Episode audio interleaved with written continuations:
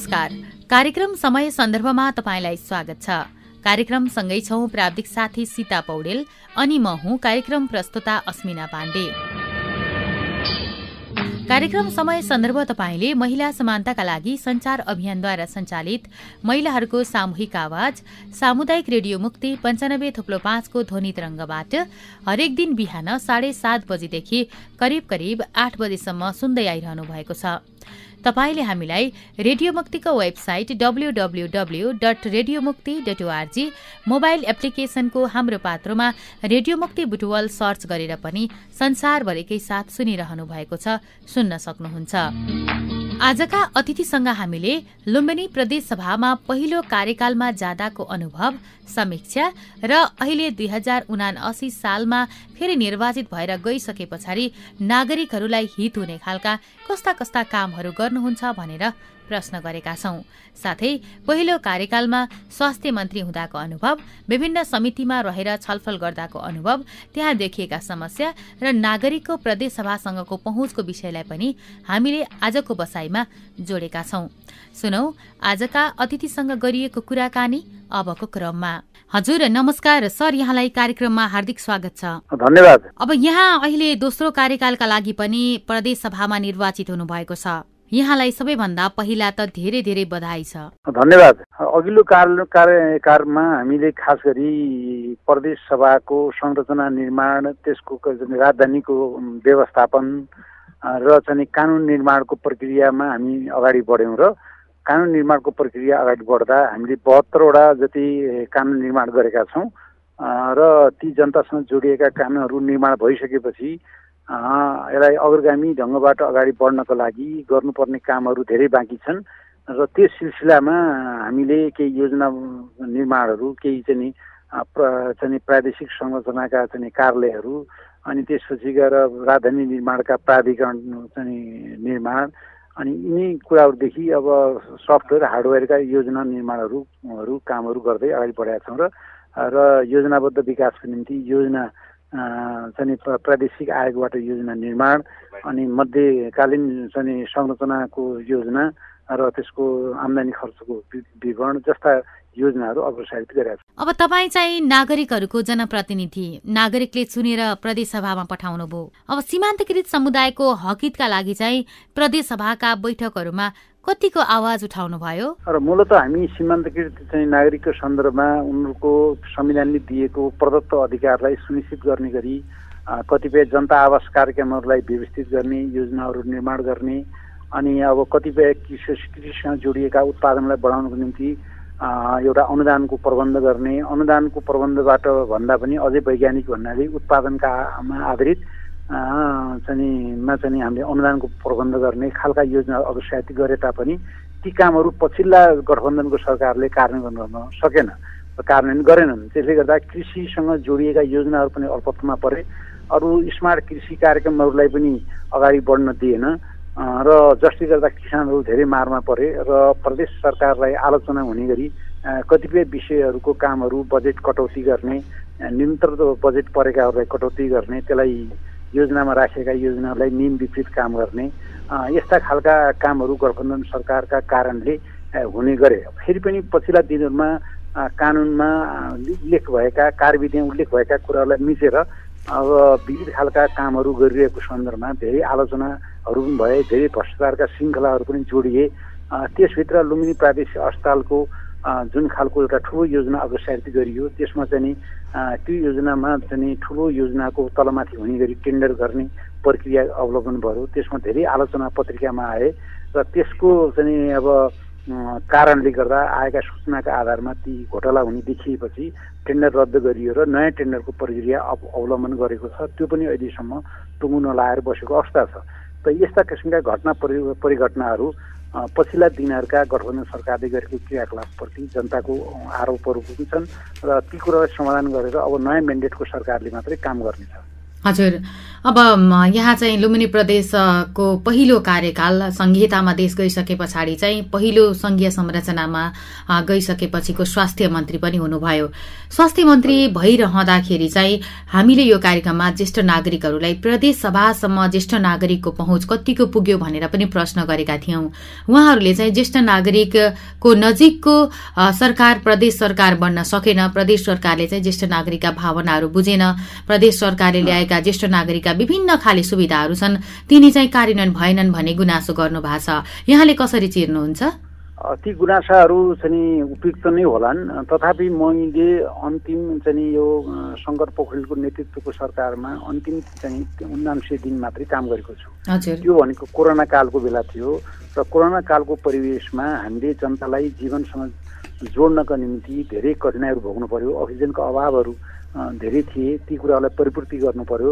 र दिनोदिन अब तिनी अठार घन्टासम्म कर्मचारीहरूले समाज सामाजिक संस्थाहरूले स्थानीय तहले सारा मिलेर हामीले चाहिँ त्यो कोभिडलाई हामीले अन्त्य गऱ्यौँ।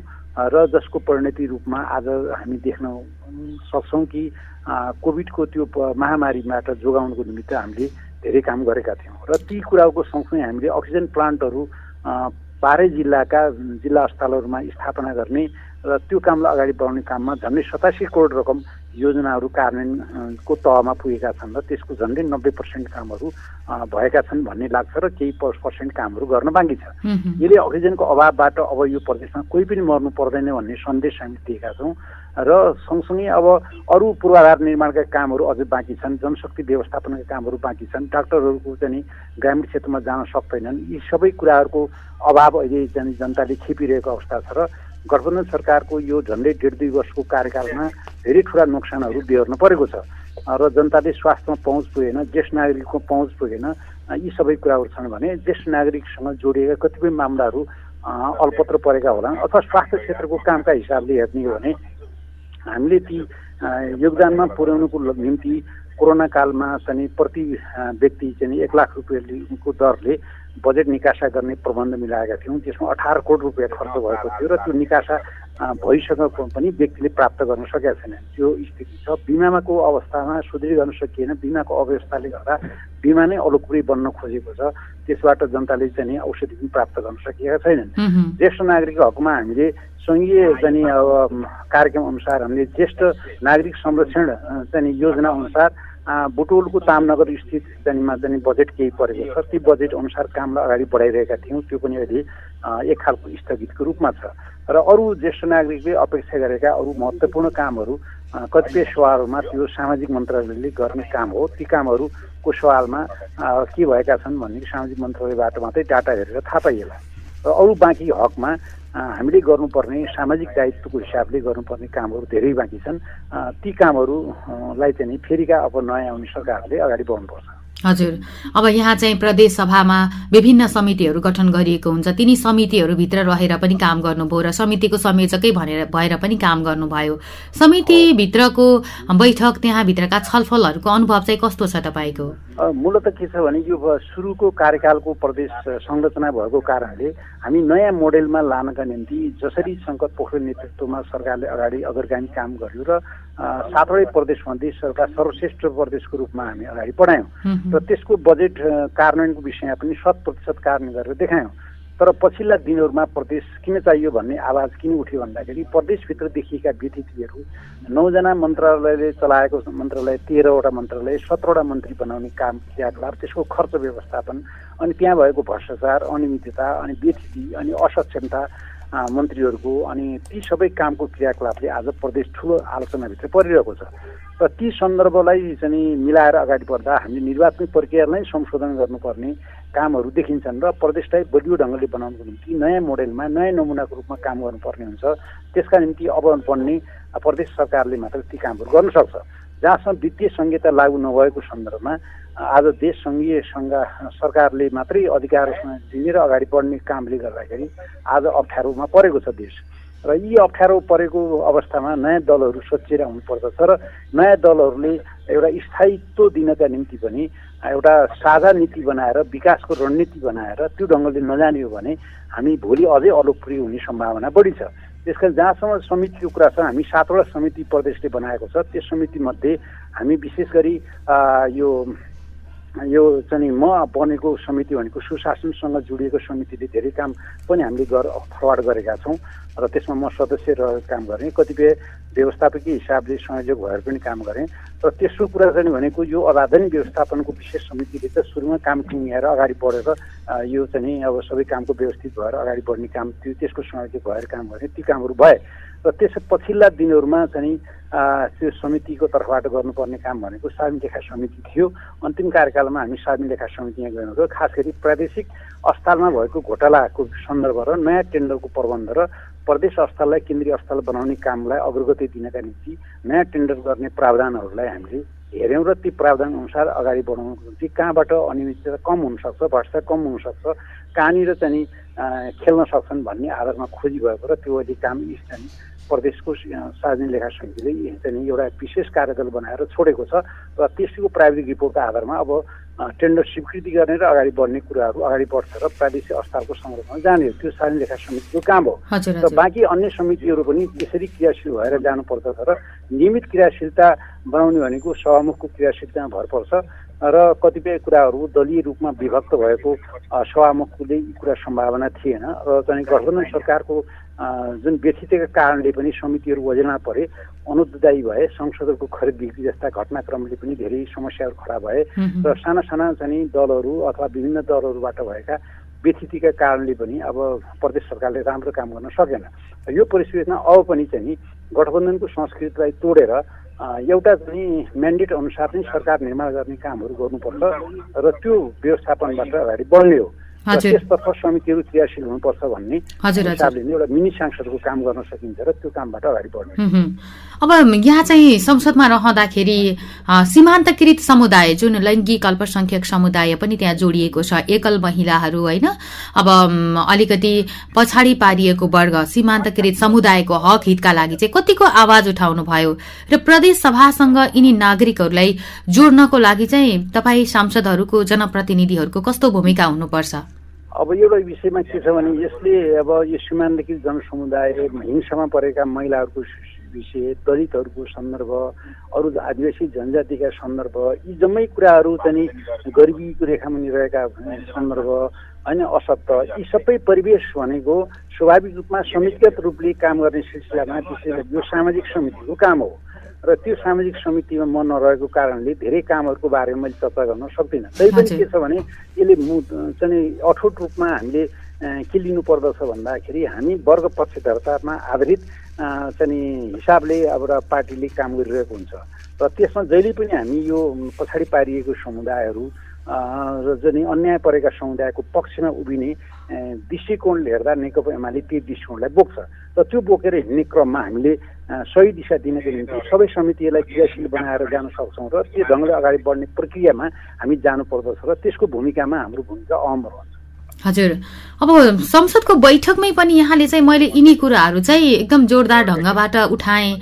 बैठकमा चाहिँ मैले यिनी कुराहरू चाहिँ राज्यको नागरिकहरूको दायित्व र नागरिकको जनजीवनसँग जोडिएका विषयमा चाहिँ मैले यिनी कुराहरू बोलेको हुँ भनेर सम्झिने खालका कस्ता कुराहरू चाहिँ तपाईँ बैठकमा उठाउनु भयो एक दुईवटा सम्झिनुहुन्छ? खास गरी मेरो समितिका हिसाबले जुन खालको आन्तरिक मामला सम्बन्धी समिति छ जो सुशासनसँग जोडिएको छ मानव अधिकारसँग जोडिएको समिति हो त्यो समितिमा रहेर म संयोजकको नाताले कतिपय जेल निरीक्षणका क्रममा जेलमा भोग्नु परेका जेलबन्दीहरूको चाहिँ गुनासाहरू त्यसका समस्याहरू त्यहाँ पीडाबोधहरू त्यहाँ भएको मानव अधिकार प्रश्नमा हामी जोड उठाएर जेल सुधारका कामहरू पनि केही अगाडि बढाएर केही कामहरू अगाडि बढे प्रदेशको। जो त्यो अधिकार क्षेत्र सङ्घिएको भए तापनि हामीले आफ्नो तर्फबाट त्यो काम गऱ्यौँ।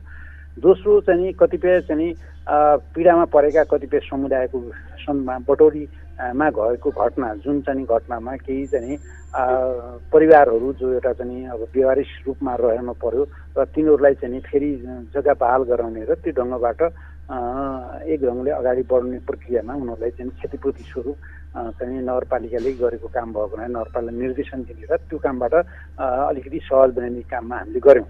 र त्यस्तै किसिमका अन्य विषयहरूमा पनि हामीले आफ्नो समितिको तर्फबाट यी कामहरू गर्दै आएका छौँ।